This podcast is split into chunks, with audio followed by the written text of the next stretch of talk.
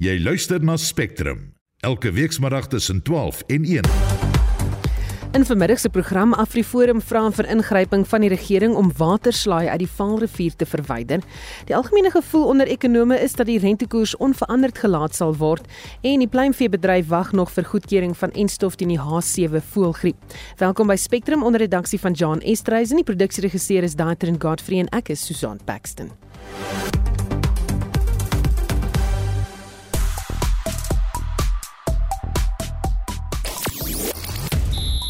Donald Trump het bereik weer eens 'n Grand Slam tennisfinaal in die parapleeg reistool afdeling van die Australiese Ope. Die mededingers in die vroue enkelspelfinaal word ook vandag beslis. 16 van Afrika se beste sokkerspanne staan toe om kampioen te word en ons Bafana Bafana is ook daar en in cricket is Engeland besig met ewige herstelwerk na drie paltjies vroeg laat kant hulle in die eerste toets teen Indië in Hyderabad.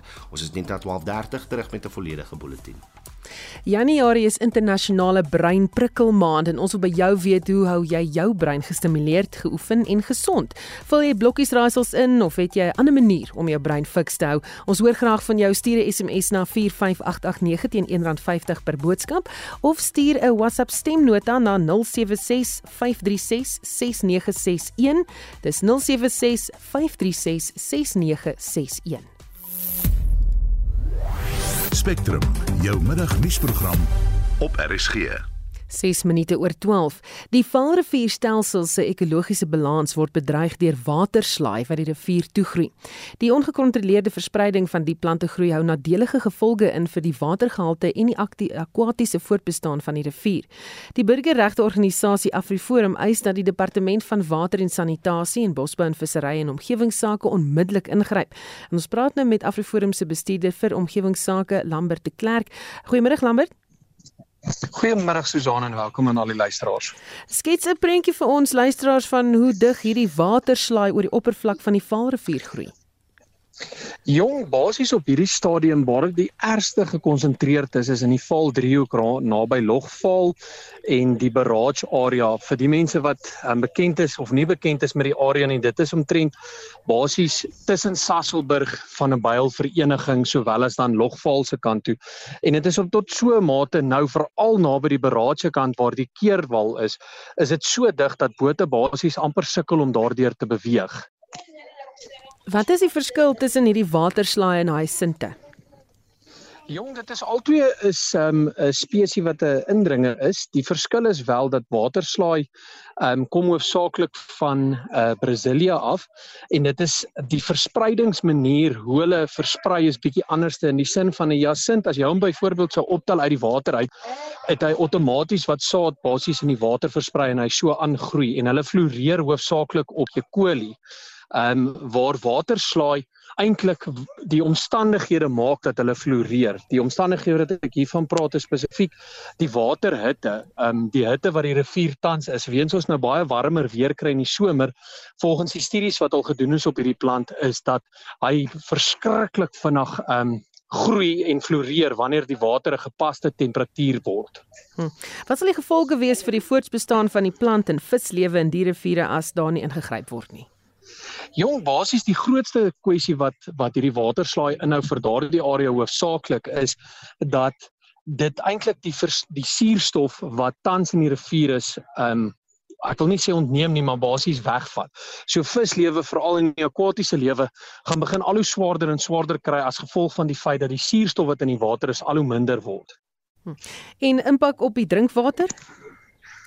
Jong op hierdie stadium is daar nie direkte intak op die kwaliteit van die drinkwater van wat daarvoor onttrek word nie, maar waar die groter probleem eintlik kom is dat hierdie begin die pompe wat hoofsaaklik water onttrek uit die stelsel uit vir suiwering begin al hoe meer blokkeer en um, ensovoorts wat dan eintlik ander komplikasies met pomp byvoorbeeld uh uh uh veroorsaak. Hmm. En wat is die beste manier om dan hierdie waterslaai nou te verwyder?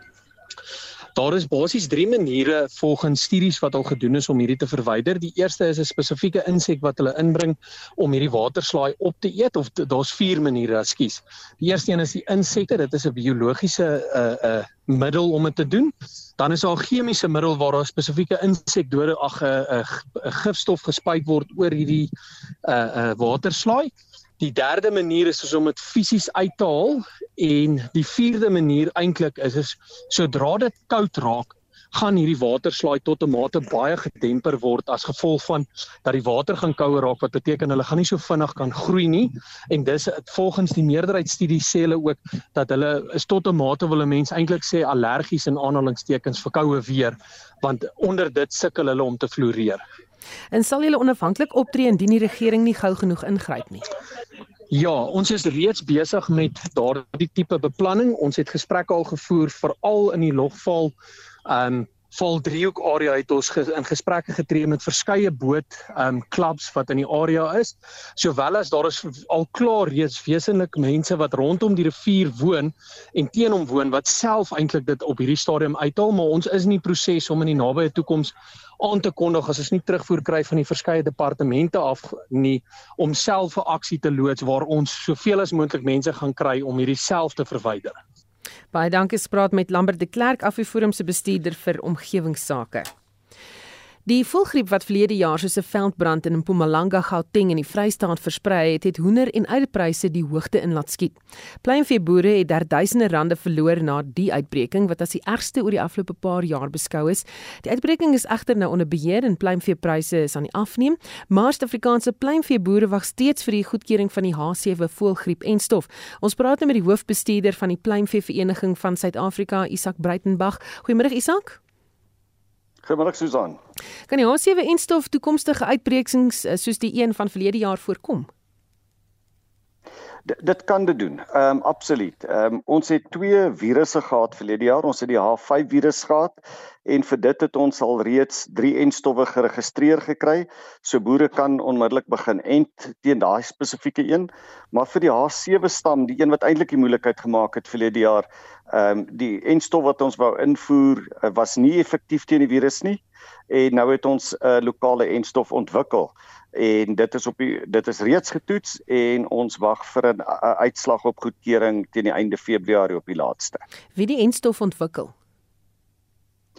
Deltamune is 'n privaat maatskappy wat dit ontwikkel het en hulle het dit gedoen vanaf die stam van H7 wat ons hier het en dit maak dat die um, enstof natuurlik baie effektief sal wees teen die teen die virus. En wat veroorsaak die vertraging in die goedkeuring van die enstof? Nie regtig 'n vertraging in die goedkeuring nie. Ehm um, ons het die uh, die enstof is ontwikkel verlede jaar en hy was uh klaar ontwikkel hier teen die einde van November en dan gedurende Desember is die enstof getoets um, in laboratoriums en uh, vroeg in Januarie is die um, is die dossier oorhandig na Act uh, 36 toe. Dit is 'n uh, ongelukkige Engelse naam en um, hulle sal dan uh, die besluit of die uh, enstof effektief is of nie en goedkeuring gee al dan nie. Hierdie spesifieke H7 voëlgriep, hoekom versprei hy so vinnig? Dit is maar 'n 'n simptoom van die virus self. Uh, as 'n mens kyk na die H5 virus, dan het hy nie so vinnig versprei nie. Um, dit was maklik om deur die hoenders van kant te maak, die virus van kant te maak en so negatief te raak vir die virus, maar die H7 definitief nie. Ons het gedink dat die virus dalk met wind versprei. Ehm um, as ons kyk na die patrone van verspreiding. So dit was maar net 'n geharde virus wat maklik oorleef en ehm um, op ehm um, vektore uh, kan kan uh, oorleef en daar in ander plekke vir na ander plekke toe versprei. Weet jy al hoe groot die impak was op die pluimveebedryf na verlede jaar se uitbreking? Geweldig groot. Ons het um, net oor die 9.5 miljoen hoenders van kant gemaak. Ehm um, dit is geweldig groot. Dit is meer as 3 keer die hoeveelheid hoenders wat ons in 2021 ehm um, uh, van kant gemaak het. Ehm um, ons het gesukkel om die siekte onder beheer te kry deur dood eenvoudig net hoenders van kant te maak. En dan natuurlik uh, is dit direkte finansiële verliese vir die produsent. Nie net die hoender wat jy doodmaak nie, maar daai hoender was veronderstel om vir nog 'n jaar eiers te produseer. So ons het ook daai produksie verloor. Hm. Hoe lank gaan dit neem vir die bedryf om dan te herstel? Dit uh, daar's twee dele in in terme van die herstel. Die die eerste een is dood eenvoudig om die om die hoenders wat nie daar is nie te vervang en dit gaan ons nog so 6 tot 12 maande neem. Daai proses is reeds in plek. En dan die tweede gedeelte van herstel is um, is is uh, uh, antwoord die vraag is daar genoeg vleis? Wat gaan met pryse gebeur in die bedryf?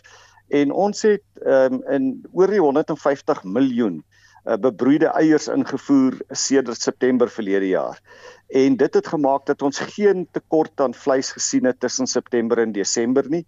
En ons het doeteenvoudig die ingevoerde bebroeide eiers gebruik om hoenders mee te produseer en die die produksie konstant hou op 21.5 miljoen hoenders se week. So die prysstygings was marginaal einde verlede jaar en ons soos jy vroeër gesê het, het 'n prysverlaging gesien hierdie jaar. Ehm um, so ons is op ons normale besigheidssiklus. Baie dankie het gepraat met die hoofbestuurder van die Pluimvee Vereniging van Suid-Afrika, Isak Breitenberg. Jy luister na Spectrum elke weekmiddag tussen 12 en 1. En is bykans 18 minute oor 12. Die Reserwebank sal 'n verwagting hulle besluit oor die rentekoers aanpassing vanmiddag bekend maak. Die algemene gevoel onder ekonome is dat die rentekoers onveranderd gelaat sal word. Die ekonomiese raadgewer van die Optimum Beleggingsgroep, Dr. Rolof Botha, is egter van mening dat daar geen rede is dat die rentekoers nie al kan begin daal nie. Ons praat nou met hom. Goeiemôre Rolof. Goeiemôre julle. Wat dink jy gaan die Reserwebank vanmiddag sê? Wel uh, ek het nou my eie huiswerk gedoen en omtrent elke persoon wat iets weet van ekonomie verwag dat die rentekoerse onveranderd gaan bly. Uh want die president van die Reservebank het daarby Davos min of meer gesê dat hulle gaan dit nie nou dadelik verander nie. Maar maar dit dit, dit gaan my verstand te bowe uh hoekom hulle nie kan besef dat uh die inflasiekoers, die verbruikersprysindeks is nou by 5.1%, hy's gemaklik in hulle teikenvlak van 3 tot 6%. Die produksieprysindeks wat 'n leidende aanwyser is vir die verbruikersprysindeks is op 4.6%. Ehm um, wat eintlik daarop neerkom dat daar geen rede onder die son bestaan waarom hulle nie rentekoerse kan kan laat daal nie. Die die punt wat ek wil maak is dat rente die prima oortrekkingskoers was voor Covid 10% en dit was te hoog hulle is gekritiseer nie net deur myself oor daardie streng monetêre beleid nie nou is dit 11.75%. Ehm um, en en hulle, hulle weier om dit te verlaag. Ek weet nie wat in daardie mense se koppe aangaan nie want verbruikers kry swaar. Mense wat huis gekoop het in die laaste 2 jaar kry swaar. Hulle betaal duisende rande 'n maand meer op rente sonder 'n goeie rede want hier is geen vraaginflasie in hierdie ekonomie. Hm. Watter faktore sal hulle nou in ag neem um, om hierdie besluit te maak vanmiddag? Ja, ek moet jou sê, uh, Susan, wat my grensloos irriteer is dat meeste ander ekonome sê maar wat hulle dink gaan gebeur. Hulle sê nie wat behoort te gebeur. Uh die Reservebank moet kennis daarvan neem dat die skuldkoste gedeel deur jou inkomste van die gemiddelde huishouding is nou op pad na 10% toe. Hy's reeds by 8.9% hy's waar hy was voor Covid en daai in nie voor Covid nie in die in daai ergste kwartaal van Covid die tweede kwartaal van 2020 toe ons nie eens mag hier op ons grasperke gedraf het voor ons huise nie en amper gearresteer is daarvoor nie. Ehm um, en dit is net asof hulle 'n uh, 'n tunnelvisie het. Hulle kyk nie na hulle kyk na beperkte aanwysers, maar wat my die meeste die meeste die harnas injaag is dat die president van die Reservebank gesê het dat dit maak nie saak wat inflasie nou is nie dit dit maak saak wat inflasie is oor maande en kwartaale van nou af. Nou wil ek vir die man vra, hoe kan hy weet wat inflasie gaan wees? Die einde van hierdie jaar of vroeg volgende jaar. Niemand weet nie. En hierdie inflasie verwagtingsopnametjie wat hulle laat doen. Dit is nie die papierwerk waarop dit geskryf is nie alhoewel dit is natuurlik nou elektroniese data. Uh want want want mense sê dit net uit hulle dinge uit. Hulle vra vra onder meer vir vakbondleiers, wat dink julle gaan inflasie wees oor die jaar van nou af? Nou, weet jy dit skreeu teen hemele. Daai mense het tog nooit ekonomie geswat nie. So hoekom kan dit 'n bepalende rol speel in die belangrikste ekonomiese aanwyser in die ekonomie en wat tans vir huishoudings wat skuld het en ons praat van 10 miljoene mense seermaak Hmm. Baie dankie en dit was die ekonomiese raadgewer van die Optimum Beleggingsgroep Dr. Rolof Botha. Sommige mediese organisasies eis dat die Suid-Afrikaanse regering strenger optree teen die gebruik van elektroniese sigarette, damprook en ander ongereguleerde tabakprodukte. Talle van die produkte word dikwels as 'n veiliger opsie as sigaretrook bemark, maar die ongereguleerde tabakprodukte hou nie net soveel gesondheidsgevare in as die rook van sigarette.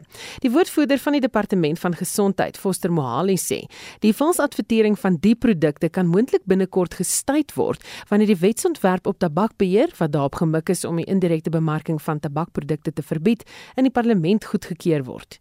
The Department of Health has noted the marketing tactics by the tobacco industry to promote vaping products and e-cigarette targeting mainly young people offering variety of products and flavors. The government has initiated several interventions to reduce the demand for tobacco and related products. These include a total ban of direct and indirect tobacco advertising through a proposed tobacco control bill currently before parliament. However, due to loopholes in the current law, SARS continues Nou dit was die woordvoerder van die departement eh, van gesondheid Foster Mohale. Ons bly by die storie en praat nou met Dr Angelique Kutse van Solidariteit se doktersnetwerk. Goeiemôre Angelique. Middag Susanne, middag aan al jou luisteraars daar buite. Steek daar enige waarheid in dit dat die rook van e-sigarette, damprook, waterpype, beter bekend as Humpy Bubblies, gesonder is as om sigarette te rook? Grootste mite wat daar is, daar is geen daar's geen geen mediese bewyse dat dit gesonder is as ehm um, sigaretrook nie inteendeel vir al jou hubbly bubbly ehm um, vir daai maas wat luister is eintlik nog meer skadeliker. Jy weet uh, ek, ek ek ek ons kan vinnig praat oor al die goed wat jy kan kry. Ehm um, ek moet dit daarop wys dat die water wat in hierdie hubbly bubblies is, jy weet die um, maak nie die die maak nie die rook skoon nie ongelukkig hierdie rook van jou sigarette en jou hookahs of jou hubbly bubbly het nikotien en nikotien is een van die hoogs verslawendste ehm um, uh middels wat daar buite is dit bevat teer dit bevat ehm uh, koolstofmonoksied dit bevat arseen en dit bevat lood. Jy weet arseen kom in goed soos rottige van daai tipe goed voor. Dan as jy hierdie ehm um, hubbly bubbly van jou of jou hookah ehm um, uh, die die die die charcoal gedeelte dan verhit sodat dan so, dan wat jy dan kry dan kry jy ook hierdie hoë vlakke van van van koolstofmonoksied. Ehm um, hierdie goed is kankervormend. Jy rook hierdie pype en jy en as jy dit so saam met mekaar om, om weet on, onder mekaar deel, jy kry ehm um, jou risk vir ehm um, TB, jou risk vir ehm um, uh, hepatitis, jou risk vir HIV jou risiko vir orale mondkankers, al daai goed gaan op. Ehm um, jy weet dit is ek ek ek ek, ek kan net nie vir jou sê hoe sleg is hierdie goed ja. nie. Ek praat nie eers as jy swanger is en jy rook van hierdie goed ehm um, die blootstelling wat die baba of die ongebore baba daaraan kry is ongelooflik. So daar enigiets wat jy aan die brand steek, wat jy in jou mond sit, het sy dit nou hierdie tipe goeters is, het sy dit ehm um, enige opiate is al daai goed gaan vir jou dodelik siek maak as jy weet um, in, in in in op 'n mediese gebied vorentoe. Ons jou ook jou insidensie van blaas en longkanker verhoog. Um aanvanklik is die e-sigarette bemark as iets wat kan gebruik word sodat 'n sigaretroker geleidelik kan ophou rook. Is daar al meer navorsing beskikbaar oor die impak van byvoorbeeld 'n e-sigaret? So die die ehm um, weer eens die ons dit bly by nikotien daar is nie ehm um, dat 'n uh, e-sigaret veiliger is as 'n gewone sigaret nie. Dis nog steeds nikotien. Die volgende probleem wat jy mee sit is daar studies baie mooi studies wat nou bewys dat as jy dan jou jonger geslag onthou dis dis dis die ouens wat hierdie goed koop jou target maak 'n mark is jou jou jong tieners jou adolessente. Ehm um, want studies wys ook weer eens 17 jaar is die, wat die meeste ouens begin aan rook blootgestel word te word of aan nikotien. Ehm um, selfs jonger as dit, maar ons weet dat van die ouens wat dan aan aan aan aan e-sigarette blootgestel word, gaan die statistiek wys hulle het 'n hoër risiko om oor te gaan na gewone sigarette rook toe. So ehm um, jy weet jy bly by nikotien maak nie saak watter kant jy kyk nie. En uh, dink jy hierdie produkte moet strenger gereguleer word? Moet verseker strenger gereguleer word. As jy in 'n plek instap, as jy kyk na hoe mooi is daai hoekapype, jy weet elke ou wil graag so mooi hubbly bubbly hê.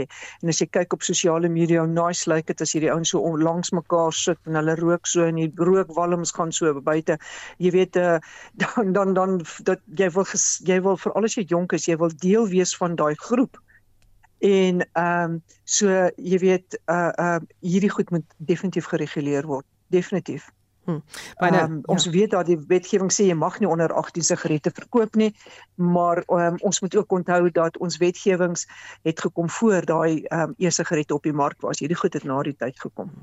Baie dankie gepraat met Dr. Angelique Kutse van Solidariteit se doktersnetwerk. Naweek aktueel sal Saterdag die onderwerp verder voer met die Wêreldgesondheidsorganisasie. Brandbestryders werk onverpoos om die brand aan die Suurvlakte en Silverfontein kant van die berge bo Woolsley in die Boland onder beheer te bring. En ons praat nou met Joan Otto, die woordvoerder van die Kaapse Wynland Distriksmunisipaliteit. Goeiemôre Joan. Hallo Susan en hallo luisteraars. Is die brand steeds buite beheer? Die brand is steeds buite beheer. Maar dit is 'n um dit is dit is 'n strokie die die sil die silwer um silwervlakte. Ag ekskuus tog. Ek kry nou al my silwers en my esse die mekaar. Die suurvlakte is 'n is 'n plateau um wat tussen tussen die twee bergies is en hy lê direk in silwer 'n silwer um fontein in. En die probleem is dat dit 'n baie groot plantasie is met baie verouderde uh, bloekombome. As 'n ou plantasie, dis 'n dit is nie meer aktief nie, maar baie van die bome tussen die lewendige bome is dooie bome en natuurlik op die grond is daar baie dooie blare. So dit is net hierdie perfekte uh, spasie waarin vonkies 'n groot brand veroorsaak en op hierdie stadium is die wind wisselvallig so ons spanne gaan deur een area en dan draai die wind en dan gaan die vuur weer terug. Maar vandag se fokus is regtig waar om daai brand te probeer druk om terug te gaan of om eh, na die area wat klaar gebrand het sodat dit um, uit um, brandstof hardloop. Jy weet sodat dit nie meer iets het om te brand nie. Maar dit gaan maar swaar. Dit is 39 grade Susan. Ja. Dit is warm. Mm. Um ons bemanning is moeg. Dit is dag 4 van hierdie brand. Um en jy weet ons ons doen die manne werk 24 uur skof voordat hulle weer uitruil. Of die, daar is dames ook ek wil baie duidelik maak dis spanne. Kom ons sê die spanne hulle is 24 mm -hmm. uur op 'n slag op diens en dan gaan hulle terug huis toe of hulle slaap en dan kom hulle weer terug. So toe um ek ek sien vir hulle hulle is moeg en they are doing their best in baie moeilike omstandighede. Dit is ongelyke grond dit is hoog op hulle moet ver stap um, om by die brand uit te kom, maar ons gaan hom wen en um, ons doen ons beste.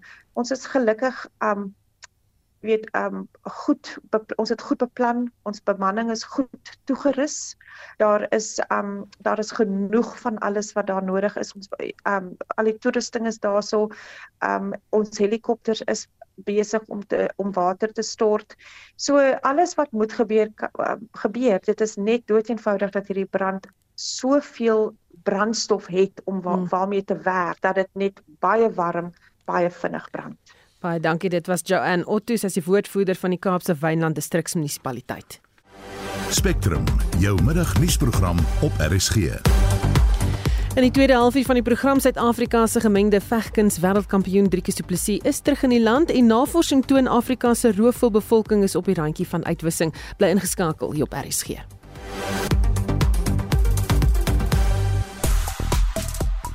So as dit vroeër gevra, wat doen jy om jou brein fiks te hou en 'n uh, eh, luisteraar wat gesê het dat uh, ek hou my brein aan die gang deur uh, feit of flater of aan tamaletjie deel te neem. Dis Louisa van Aliwil Noord. Piet sê ek hou my brein skerp deur die hele tyd uit te werk hoe om te oorleef. Ek neem aan dit gaan aan daar by die rentekoerse. Nog iemand wat sê ek is verslaaf aan blokkies raaisels. My dag is verkeerd as ek nie iewers 'n paar blokkies uh, voltooi het nie en behalwe vir die breinvoordeel, is ek ook al 'n paar rand met my raaisels of het ek ook al 'n paar rand met my raaisels gewen en dit is nogal 'n interessante ene. Dan sê nog 'n luisteraar en dit is nou 'n aanleiding van ons gesprek oor rentekoerse.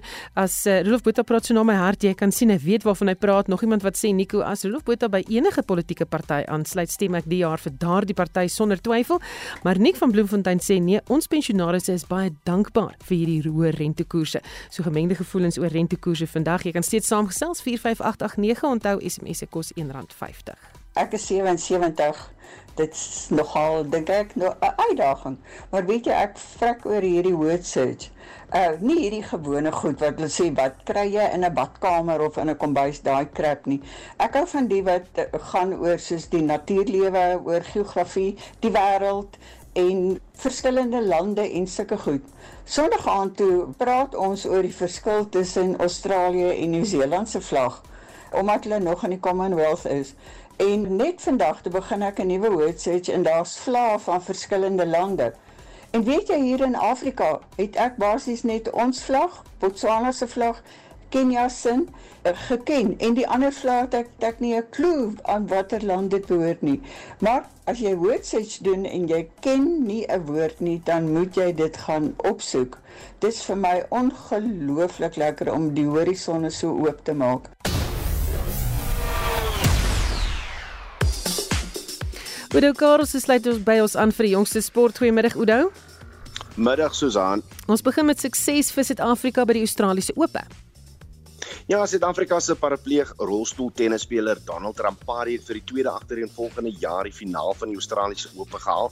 Hierdie keer hoef hy en sy Israeliese dubbelsvernoot Gisison nie 'n raket lig nie. Hulle is deur danksy 'n besering aan een van hulle teenstanders. Hulle opponente in die finaal sal môre beslis word. Rampari was ook in die halfeindstryd van die enkelspel betrokke, maar is 6-1 en 6-1 deur Sam Schroeder uitgeskakel.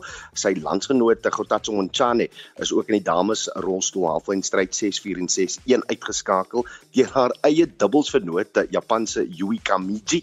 Die twee sal môre saam die stryd aanvoer in die rolstoel dubbels halfeindstryd. Nou die eerste dames enkelspel halfeindstryd is uh, was 'n absolute thriller geweest. Die 19-jarige Coco Gauff van Amerika het gesukkel met haar afslaan en sy moes van 5-2 agter terugveg teen die Belarus se Aryna Sabalenka. Dit is gedoen, maar toe verloor Gauff die eerste stel in valbou pot 7-2. Tweede stel was ook 'n tawwe stryd geweest waar Gauff van erns die veggees moes koester om in die stel te bly as gevolg van haar swak afslaan. Sabalenka wen hom ook 6-4 vir 'n plek in Saterdag se finaal, haar tweede agtereenvolgende finaal in Australië. Nou na sokker toe waar Afrika se 16 beste spanne reg staan om vir die titel te veg en Suid-Afrika is ook daar.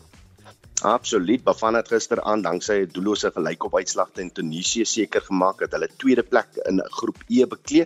Hulle speel volgende Dinsdag teen Marokko wat bo aan groep F se punte leer geëindig het.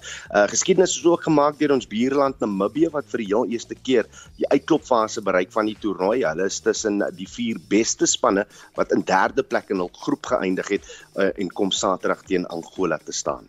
Daar's ook jou wat kriketaksie aan die gang en aan die kom.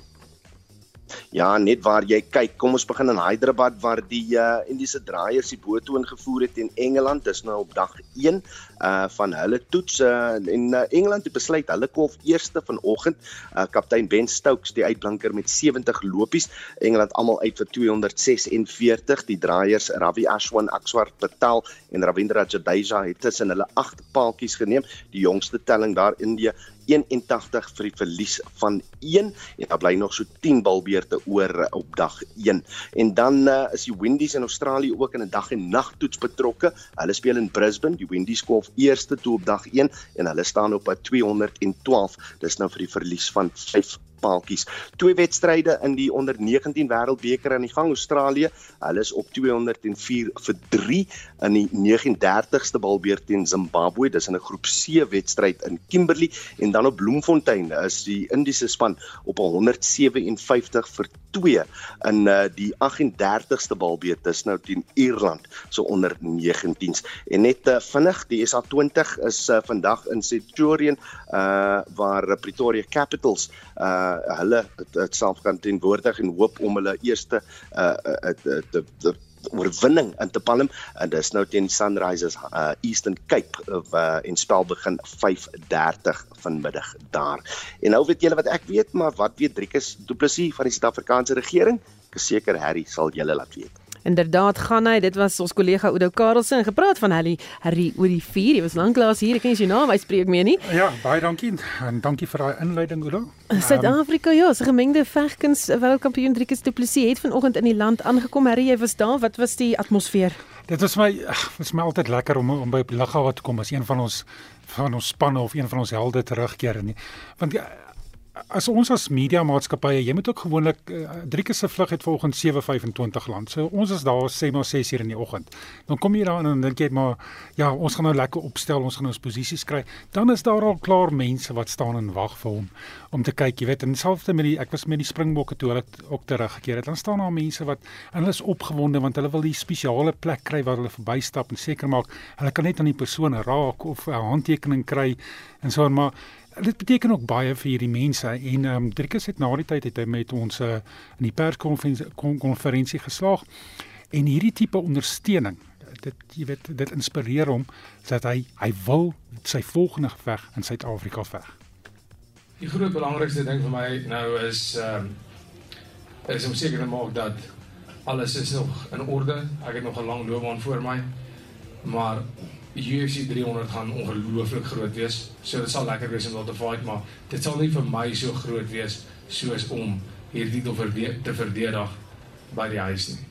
As ek moet wag nog 'n paar maande tot seker hier by Junie Julie se kant om die titel te verdedig terwyl hulle nou die reëling streep om die UFC na toe te bring.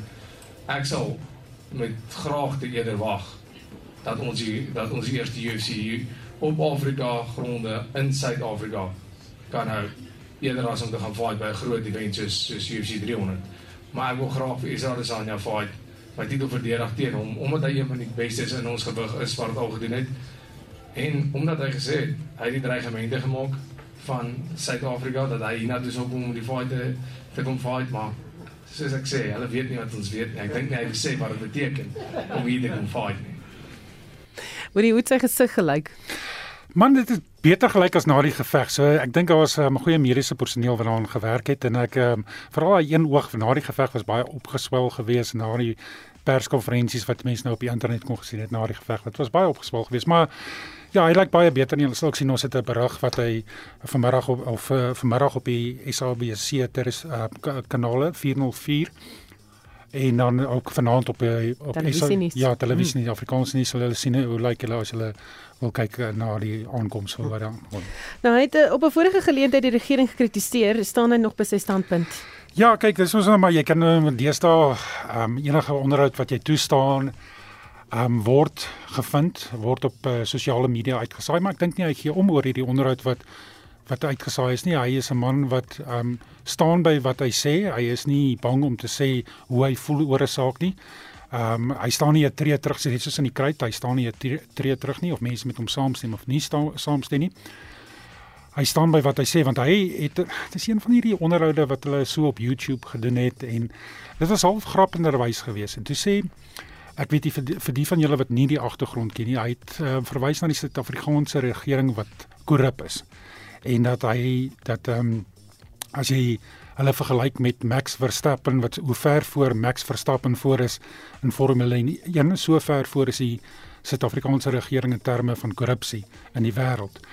Nou dit het baie opslae gemaak natuurlik sal dit baie opslae maak en ehm um, toe sê hy vandag gevra of hy staan by daai ehm um, standpunt wat hy gemaak het en dit was sy antwoord.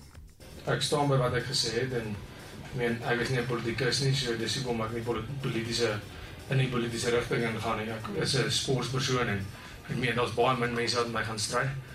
Ehm um, of met my kan stry as jy op feite gaan.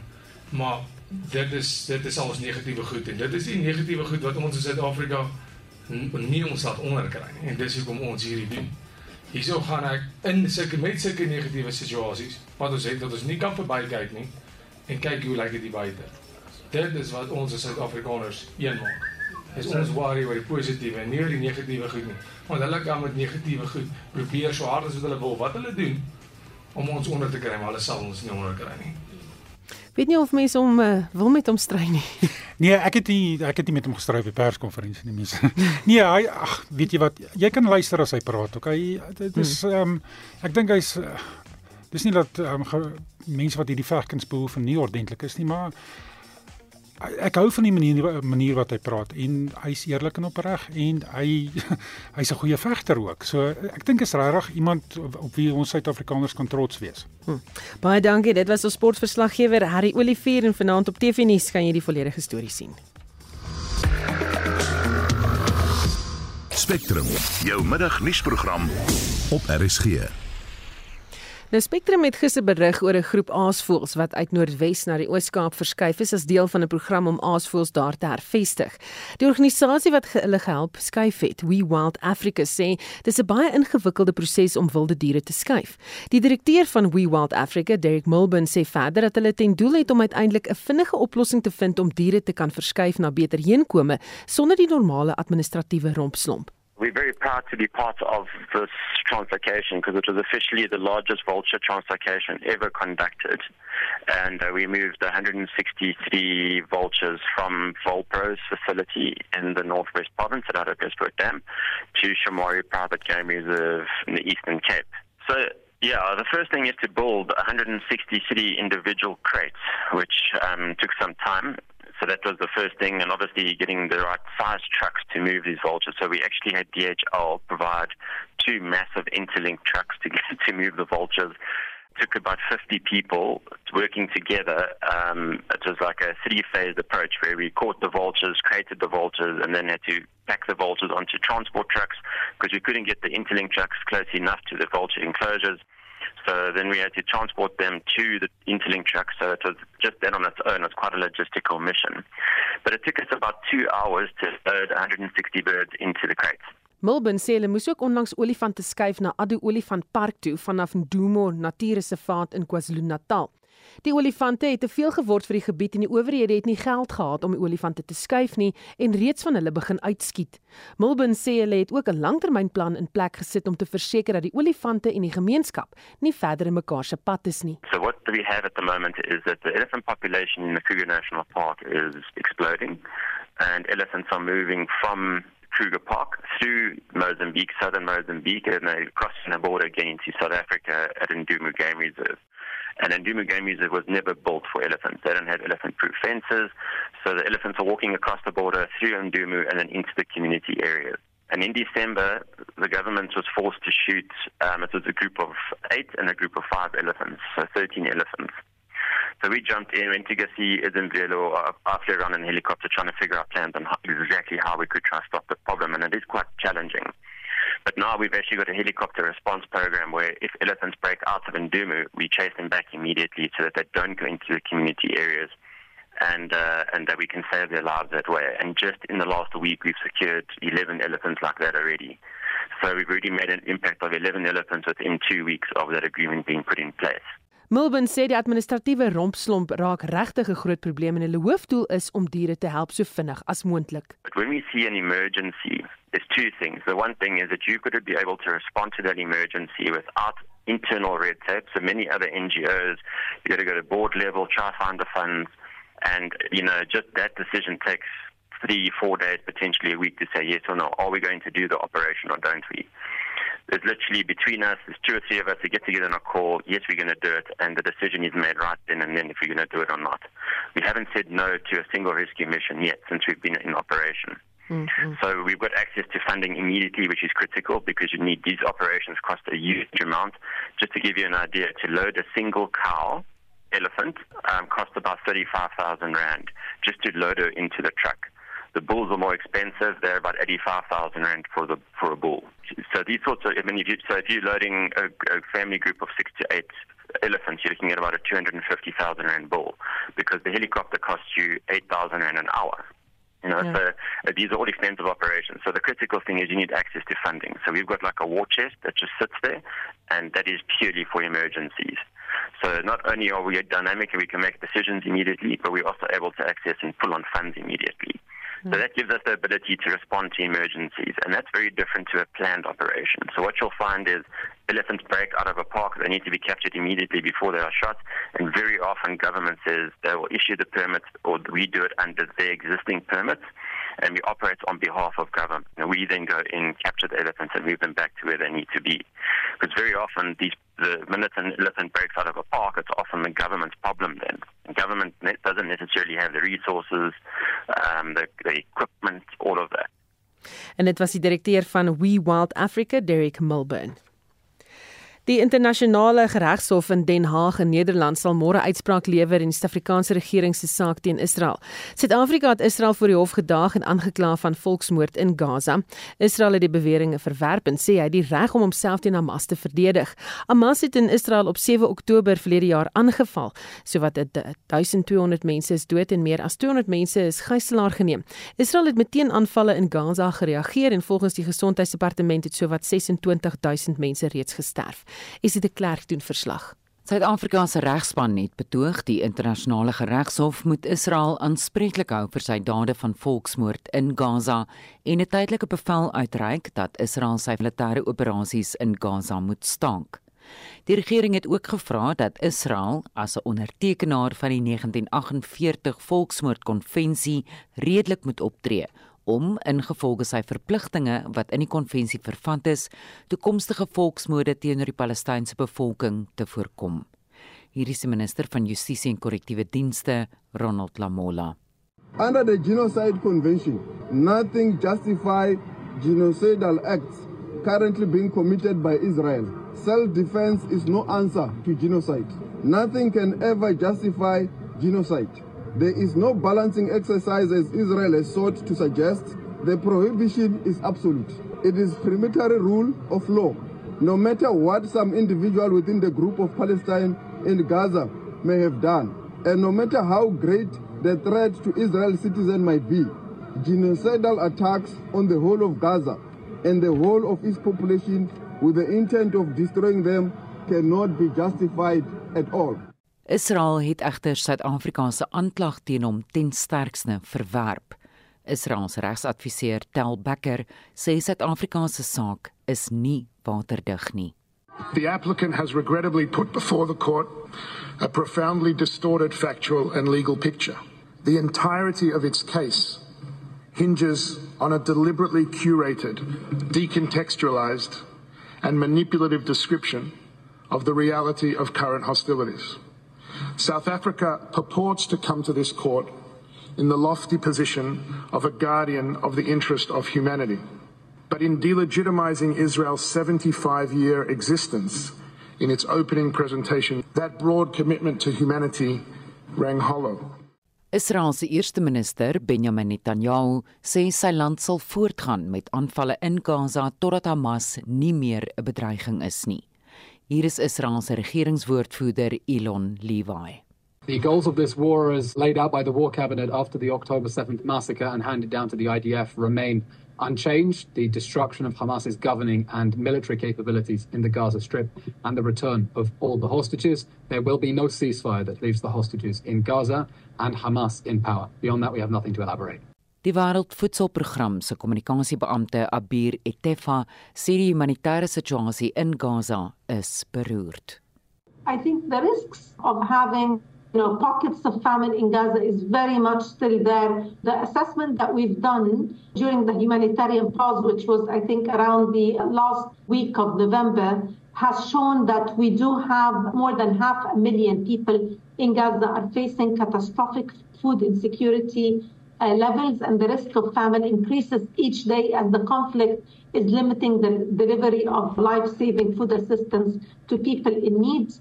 Dit was die Wêreldvoedselprogram se kommunikasiebeampte Abir Etefa. Die verslag is saamgestel deur Ditaba.zetsi. Ek is Estie de Klerk vir SAK nuus. ST hou die ontwikkelende stories dop en ons begin by die nuus wat verseker môre die nuus vir ons sal oorheers en dit is die uitspraak in die internasionale geregshof. Is reg Susan, die internasionale geregshof in Den Haag in Nederland sal môre om 2 uur Suid-Afrikaanse tyd uitspraak lewer in die Suid-Afrikaanse regering se saak teen Israel. Suid-Afrika het Israel van volksmoord op die Palestynse bevolking aangekla en van oortreding van sy verpligtinge in terme van die Volksmoordkonvensie. Suid-Afrika het die hof gevra om spesifieke voorkomende maatreëls uit te reik, onder meer dat Israel sy militêre operasies in Gaza moet staak en dat Palestynse burgers van kos, water en mediese voorraad voorsien moet word. Suid-Afrika se minister van internasionale betrekkinge, Naledi Pandor, sal môre die regering by die Geregshof verteenwoordig.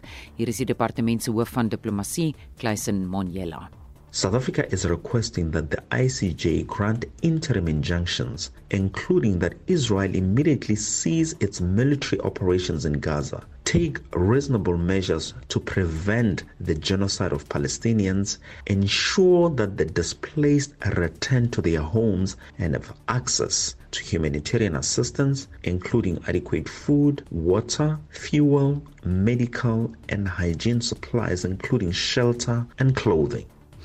Sanparke en die bestuurders van die Tafelberg Nasionale Park glo dat 3 van die 22 brande in parke in Kaapstad sedert 1 Januarie met opset gestig is.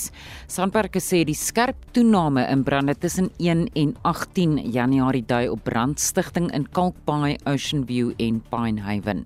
Hier is die brandbestuurder van die Tafelberg Nasionale Park, Justin Buchman. We've asked for a fire investigator to come in and have a look at them. The majority of our fires, we, we know what they look like because they're largely vagrant fires elsewhere in the park. So we know what that kind of fire looks like and we know its behavior. These fires were started very differently. So, so we are currently investigating them and we believe that they were started with malicious intent. En in internasionale nuus sê Russiese ondersoekers hulle het beide vlugopnemers gevind van die vliegtyg wat gister in naby die stad Belgorod neergestort het. Meer as 70 passasiers aan boord van hierdie vliegtyg ongeluk is dood. Moskou beweer Oekraïne het die vliegtyg wat krygsgevangenes van Oekraïne vervoer het, afgeskiet. Die BBC se Paul Moss berig. Ukraine wants an international investigation. Russia says it knows what happened, and the black box flight recorders may reveal why a Russian military jet plummeted to the ground, killing all on board. But if Ukraine did shoot it down, and they haven't denied it, the crucial questions will be about what happened beforehand. Ukraine says it should have been warned there were prisoners of war on a plane and to keep the airspace around it secure. Russia, though, accused Ukraine of a monstrous act and hinted that the future of prisoner swaps is now in jeopardy. En dit was die BBC se Paul Mas. Onthou kom in te skakel vir Brandpunt om kwart voor 6 vanmiddag vir 'n opsomming van die dag se nuus. En dit was Estie met 'n opsomming van die nuus die uur.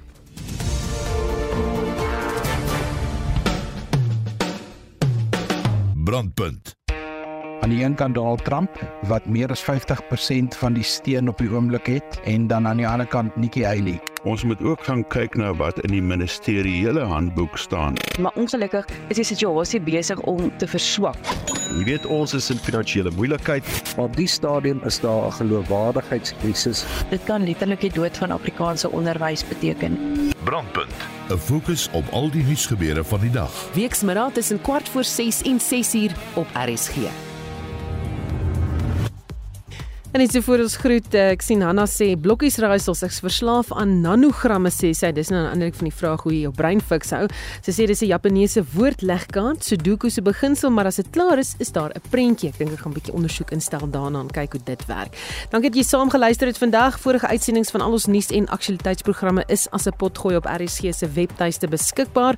Ons groet namens ons uitvoerende regisseur Nicoline Lou, die redakteur John Estreys en die produksieregisseur Daitrin Godfrey. Ek is Susan Paxton skakel in verbrandpunt vanmiddag om kwart voor 6. Onthou 360 is nou volgende.